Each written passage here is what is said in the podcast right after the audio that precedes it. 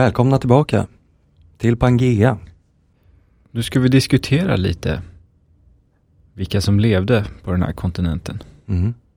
Liv och död. Mm. Ja, det var ganska mycket död, Mm. Väldigt mycket faktiskt. men också ganska mycket liv. Ja, och ändå hyfsat mycket förändring i vad som levde och vad som fanns och så här. Mm. Verkligen, det var verkligen en tid där livet tog stora kliv. Mm, absolut. Om vi tar början av Pangeas existens, när Laurasien brakar in i Gondwana, Mm. vad, vad fanns då? Ja, det fanns ju lite skog. Mm. Hyfsat mycket skog faktiskt. En viss typ av skog också som eh, på engelska heter lycopsid. Okej, vad innebär det? Det är då lummerväxter. Okej. Om det säger någon någonting. Ja, ingenting. Det säger inte mig så mycket heller. Men det är väl en typ av barrväxt, Mm. ungefär. Och i de här äh, lummerväxtskogarna då, så fanns det dessutom djur. Mm. Ganska mycket insekter verkar det som. Ja, just det. Insekter och ja, djur som mångfotingar och Mm. liknande. Mm. Så olika djur med exoskelett Mm. verkar vara det som utgjorde det mesta av livet. Ja. Så det var deras tid då. Ja, ja, det var det. Och eh, om vi går tillbaka lite till växterna. Mm. Så det jag har läst är att det här var tiden innan fröväxter hade Ja. blommat ut så mycket. Alltså växter som då reproduceras med hjälp av frön till skillnad från växter som reproduceras med hjälp av sporer. Mm. Till exempel ormbunkar. Okej. Och det är lite sant för, intressant för de ser ju ganska urtida ut Ja, på ett sätt. det är väl en sån där som man kanske förknippar med Jurassic Park till exempel. Ja, lite. Vilket i och för sig inte blir riktigt rätt heller för man tänker djura och framförallt, kommer tillbaka till det faktiskt, de här Jurassic Park är också lite, det blir lite fel. Mm. Men eh, det är mycket senare. Det Ja. är ju snarare efter Pangeas uppbrott. Jo. Och, och om vi pratar nu växter innan Pangea så är det ju, ja det är långt tidigare. Men där själva anledningen till det här är att frön klarar torka bättre. Mm. Och som vi var inne på i förra delen så blir det ganska mycket mer av den varan när alla kontinenter slås ihop till en. Därav skifte från sporväxter som inte klarar av torkan Mm. så bra, utan behöver liksom fuktiga miljöer för att reproduceras Just det. till då fröväxter. Och lite detsamma med, med djuren. Insekter är ju typiskt fuktlevande. Mm. Vanligt tänker ju finns. regnskog och sådär. Mm. Och det har vi pratat om i tidigare avsnitt, det här med hur myggor ökar sina habitat Mm. i fuktigare klimat, översvämningar till exempel. Eller. Så vid början så var det en situation som präglade tillgång till fukt Mm. ganska mycket. Mm. Så där är ett exempel på hur förändrat klimat ändå påverkade livet väldigt mycket. Mm. Ja, precis. I väldigt hög grad påverkade liksom vilka typer av arter som dominerar på Mm. planeten. Mm. Och det fanns även tidiga ryggradsdjur vid Pangeas formation. Men de kom att ja, utvecklas väldigt mycket under Mm. tiden som, som Pangea existerade och under den tiden så uppkom även de första riktiga däggdjuren. På samma sätt som växter som lägger frön fick ett, ja, ett övertag egentligen i, i en värld med mer torrt klimat så gynnade ju den här situationen även djur som antingen lägger ägg som klarar torka. Om man tänker till exempel, ja men jag vet inte, reptilägg. Alltså de flesta lite större som ändå har hårt skal och liksom hela den grejen kan ligga på land. Liksom, Mm. Till skillnad från verkligen vattenlevande arter. Så, så gynnades många sådana arter just på grund av klimatet. Eller däggdjur för den delen, som föder levande ungar. Mm. Djur som inte behöver vatten direkt till det. Mm. Men det fanns ju också vatten. Det gjorde det. Och där fanns det ju också liv. Mm. Det fanns ju fortfarande massa hav. Ja, väldigt mycket hav. Eh, och i de här haven, i början då, av, vid ihopslagningen och så här, så dominerades havet av koraller och eh, mycket djur som hade exoskelett även där. Mm. Så ja, det fanns trilobit till exempel. En sån här riktig klassiker. En klassisk fossil. Som egentligen bara är en, det ser, det ser ut som en vatteninsekt typ. Okej, jag känner inte till den. Jag har den där. Ja, men nu man kollar på en bild, då känner man ju igen den. Det är Mm. riktigt så här, ja men verkligen. Bepansrad, eh, ja, Ser ut som en stor gråsugga lite grann. typ så. Det är typisk fossil. Verkligen. Mm. Ja, nej, så det var mycket sånt. Men redan vid den här tiden så fanns ju bland annat då hajar. Alltså. Mm. Kanske inte de som eh, lever idag, eh, men det fanns hajar. Och de första benfiskarna Mm. som är, eh, ja, det var en, ett förstadie till våra moderna fiskar Ja, okej. egentligen. De uppkom vid den här tiden. Men även där skedde ju då ett skifte som vi ska kanske gå in på lite mer senare. Då kan vi ju nämna begreppet kosmopolitanism. Det kan vi göra. Vad betyder det? Ja, det är ju ett sånt där eh, biogeografiskt begrepp nästan. Mm. Kosmopolitanism innebär att djur eller växter Mm. lever på väldigt stora områden Ja. egentligen. Vilket kan ha att göra med att det inte finns så tydliga barriärer. Ja, Och en sån sak är ju att det inte finns hav mellan olika landmassor. ja, det är väl en ganska, ganska bra grej för spridning av individer i olika arter. Mm. Precis, det blir lite lättare. Ja. Så det är så att säga motsatsen till det här fenomenet med väldigt egna arter på Mm. öar. Så, och det, det begreppet är relevant egentligen för hela Pangeas tidsspann, Mm. tror jag väl. Ja, det är det ju. För att det fanns de, det fanns ändå de möjligheterna att arter kunde breda ut sig. Ja, man kunde ta en lång vandring från Sibirien till Antarktis Om man vill, om man ville. ville. Absolut. Och det kanske var en och annan, ett och annat litet kräldjur som, Ja, ja, alltså det var ju en del eh, växter i alla fall som eh, alltså hade väldigt stor utbredning mm. över det som idag är olika kontinenter och långt ifrån varandra. ja, Som vi pratade om i del ett då. ja, just det. Så eh, det var ett fenomen på den här tiden. Mm. Det drevs ju egentligen både av avsaknaden av då oceaniska barriärer, men till viss del även av ett antal utdöenden, Mm, till och med massutdöenden, ja, där väldigt mycket av livet bara raderades bort. ja, Och det som är kvar, blev kvar kanske kunde ta över ganska stora områden. precis. Det var ju två stycken sådana. Mm. Det första var för ungefär 251,9 miljoner år sedan. Mm. Det var ju ändå ganska specifikt. Ja, det var väldigt specifikt. Eh, Så det är då alltså i övergången mellan de geologiska erorna Paleozoikum och Mesozoikum.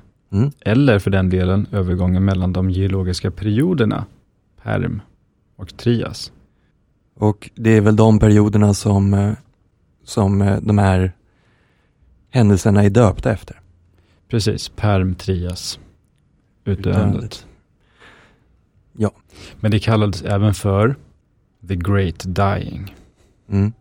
För det var det absolut största massutdöendet. Ja, det största som har studerats. Ja. Eller som man vet om. Som man vet om. Det påverkade väldigt, väldigt mycket. Mm. Framför allt i haven. Vilket var det bland annat då som ledde till det här skiftet i vilka arter som fanns. före och efter. Ja, okej. Det var 96 procent av alla havslevande arter som dog. 84 procent av alla havslevande släkten Mm. och eh, 70 procent av landlevande ryggradsdjur. Så ändå ganska stor skillnad på hur det påverkar olika områden. Alltså 96 procent av alla arter. Ja, det är verkligen helt det är brutalt. Ja. Faktiskt. Vad var det då som hände här? Om Mm. vi börjar där. Det är ju en bra fråga. Det kanske inte är helt fastställt exakt. Nej, Men troligen så orsakades det av en serie vulkanutbrott. eh, Vilket då var i dagens Sibirien. Mm. Eh, Som satte eld på kolfält, släppte ut enorma mängder koldioxid. Här kommer vi för sig tillbaka till koldioxidhalten i atmosfären. Det här kan ju också ha bidragit till ja. höga halten under Pangeas existens. ja det är väl mycket möjligt. Mm. Eh, som skapade hetluft, surt regn, dödade mycket. Sen varför det fick ännu värre konsekvenser i havet vågar jag inte uttala mig om. Nej, det kanske jag vågar göra. Mm. Som jag nämnde innan så var det väldigt mycket, mycket, väldigt mycket av livet i haven var exoskelett, bärande, kalkbaserade Mm. arter. Ja. Eh, kalk och försurning går ju inte superbra ihop alltså. Nej. Så man tror väl att det påverkade i haven så pass mycket som det gjorde för att livet i haven såg ut som det gjorde. Så att det blev, liksom det var tvunget att komma ett skifte där för att den händelsen, eller det utdöendet gjorde så att under en viss period så kunde det inte liksom leva de arter som hade exoskelett. Ja. Det fräter liksom. Ja, det blir väl någon form av reaktion i själva skalet, ytterdelen liksom, som gjorde Mm. att de klarade sig inte så särskilt bra. Nej, det låter inte som någon jättebra situation. Nej. För dem. Men det finns ju, ja som sagt, lite olika teorier till varför, men eh, det är väl det som är det troligaste. Mm. Men det som också händer efter en sån här eh, utdöende, när jättemycket bara har svepts bort, Mm. det är att ett fåtal arter ändå, som ändå klarar det här kan frodas ganska bra Mm. ett tag. Och det kan ju ta något sånt där uppåt 10 miljoner år innan en ja, liknande diversitet är tillbaka. Så under den här tiden så kan det då finnas vissa arter som verkligen kan göra sin grej. Ja. Ett koncept som kan kallas för disaster fauna.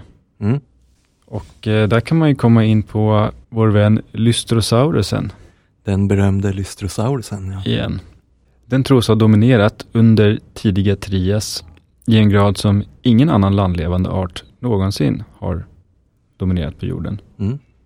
95 procent av alla landlevande ryggradsdjur ska ha varit den här Lysthrosaurusen under en period efter the great dying. Det är ganska imponerande. Det är ju ganska imponerande faktiskt. Då, ja, det är en konstig värld. Om man Mm. googlar på den här också så ser man den, ja, det är inte kanske det vackraste Nej, skapelsen som någonsin har vandrat på jorden. nej. Men det är en, är en överlevare Ja, i alla fall. Som sagt då, det här var ett väldigt stort utdöende. 10 procent av ungefär av alla arter överlevde. Jag nämnde trilobiten. mm. Den hade levt i ungefär 300 miljoner år innan det här. Men den dog ju ut un under det här utdöendet också då, till exempel. ja det är ju också intressant med tidsperspektivet, att den levt i 300 miljoner år. Mm. De här utdöendena, det går ju ganska snabbt alltså. Ja, mm, verkligen. Så, och trilobiten var inte ensam utan det var ju som sagt väldigt mycket i haven som dog ut. Och det lämnar ju utrymme för lite an annorlunda arter. Bland annat då mollusker, Mhm. Blötdjur. eh, precis, som inte har något skal och sådär. Som inte är beroende, de kanske till och med gillar havsförsurning. Inte vet jag. Kanske. Eh, så de blev mer, mycket mer dominerande än de hade varit innan. Och det var en sån förändring som hängde med ganska länge och kanske ända till liksom, Pangeas uppbrott. Men det var där det började. Och eh, om vi hoppar upp på land igen då. Mm. Så alltså där perm 3 utdöendet var för 251,9 miljoner år sedan. Och som sagt, efter det, under Trias, så började däggdjur utvecklas. Ändå i en lite mindre skala. Mm. Men de fick sin storhetstid lite senare. Den storhetstiden som verkligen började under Trias var ju dinosaurierna. Mm. Två av de allra tidigaste levde för ungefär 228 miljoner år sedan. Så nu är vi 20 miljoner år efter det här utdöendet. Drygt. Så där någonstans så började, började dinosauriernas imperium. Storhetstid. Storhetstid. Mm. Eh, och två av de som man hittat heter då Eoraptor och Herrerasaurus. Mm. Som var karnivorer, båda hittade i Sydamerika. Mm. Och man har även hittat en, en ganska stor växtätande dinosaurie som heter Plateosaurus som ska ha funnits under Trias då, åtta meter lång, Mm. levde i Afrika. Men generellt sett så är det ju under den här första perioden då, Trias, lite mindre typer av dinosaurier. Och det är inte de här som man känner igen Nej. riktigt. Och eh, nu vet jag inte riktigt i vilken utsträckning det har att göra med att det helt enkelt var så länge sedan så det är svårare att göra lika mycket fynd av dem. Att det inte det fått samma uppmärksamhet. Men jag tror det, det är väl nog både det och att det är liksom lite förstadiet, lite mindre, lite, att säga, mindre utvecklade. Mm. Och eh, sen om vi går in på den efterföljande geologiska perioden, Jura, Mm. så börjar dyka upp lite mer kända namn. Brachiosaurus, Diplodocus, Stegosaurus och Allosaurus. Ja, där känner man ju ändå igen. Mm, det känner jag igen lite grann. Mm. Men det är egentligen det vi har under Pangeas tid. Ja. Det är lite innan storhetstiden ändå, Mm. innan den riktiga piken. Ja. Men ett startskott till den piken skedde ju i brottet mellan Trias och Jura. Mm, Det andra utdöendet under den här perioden. exakt. Inte lika stort, ändå ordentligt. Ja, och nu är vi framme för 200 miljoner år sedan. Mm. Så det börjar bli lite slutstadiet av Pangeas existens. Ja. Och det är helt enkelt övergången mellan Trias och Jura. Mm. Som markeras av det utdöendet. Och här var det väl, visst haven påverkades ju också, men det var väl nästan lite mer på land den här gången. Ja, och där var ju då dinosaurierna just en av få grupper på land som överlevde och kunde fortsätta utvecklas. Mm. De lämnades nästan helt utan konkurrens. Ja, verkligen. Som liksom toppen Precis. i näringskedjan. Så det blev väl, det blev väl startskottet på dinosauriestorhetstiden. Mm. Sen eh, ska det nog sägas också att det samverkade med helt enkelt Pangeas uppbrott. Och då lämnar vi ämnet lite grann. Eller liksom dagens avsnitt. Mm. Men där kontinenter börjar brytas upp lite. Det bildas mellanhav. Det blir lite fuktigare områden, fuktigare klimat. Det blir liksom lättare för livet att blomstra Mm. generellt. Även om det här då är arter som är till en viss del anpassade för ett torrt klimat till skillnad från alla de här insekterna och det här som fanns innan Pangea. Mm. Så kunde de ändå fortsätta blomstra när landet började dela upp sig lite igen. Det bildas fler pro- produktiva zoner. Mm. Så det kan man ju med sig också när allt sitter ihop att mängden, det gäller ju både land och hav egentligen, mängden sådana här sträckor där land och hav möts. Man har kontinentalsocklar, liksom grundare Mm. områden närmare kusten och sådär. Det, det blir mindre av det. Ja. Och det påverkar ju både liv i haven. Ja. För det här är ju väldigt produktiva zoner, just de här eh, havet närmare kusterna. Ja. Över kontinentalsocklarna. Så. Så att det blir ändå en annan blomstringstid när det börjar bry- brytas upp igen. Ja. ja, exakt. Och det var ju här då som de här riktigt eh, kända figurerna som Velociraptorn, Mhm. Velocitraktorn, Mm. Triceratops och eh, Tyrannosaurus Ja. dök upp. Och nu är vi inne i, ja, framåt eh, Krita-perioden. Mm. Och det blir också intressant liksom för att de ligger ju närmre oss i tid. De här som levde sista miljonerna år innan det utdöendet. Ja. Än vad de ligger den första dinosaurierna i tid. Det är ju, Så är det ja. faktiskt.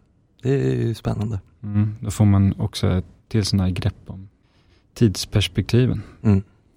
Ja, dinosaurier, eller dinosaurieliknande varelser i alla fall, fanns ju också i haven. Mm. Ichthyosaurier, fisködlor Ja. bland annat. Eh, så eh, de spred sig ju lite, lite överallt känns det som. ja, var de dinosaurier eller alltså, klassas de som det? Som vattenlevande? Ja, jag vet inte. Det kanske är en egen liksom. Det finns dinosaurier och sen finns det ichthyosaurier. Att det är liksom, Ja, okej, det är samlingsnamnet för dem. jag är inte säker. Mm. okej. Men eh, jag tänker att det skulle kunna vara så pass stor skillnad på dem. Ja, det är möjligt. Eh, det är kanske samma sak gäller luftlevande, de flygande. Mm, möjligtvis. Eh, Flygödlor. Ja, fisködlor, flygödlor och landödlor. Mm. Och eh, det är de som har klarat sig lite grann till idag. Flygödlorna, eller i alla fall deras arvtagare. Fåglarna. Mm. Mm. Som är det närmsta vi har dinosaurier. Idag. Ja. Det är lite spännande också tycker jag då. Om vi hoppar ner från luften till haven igen. Mm.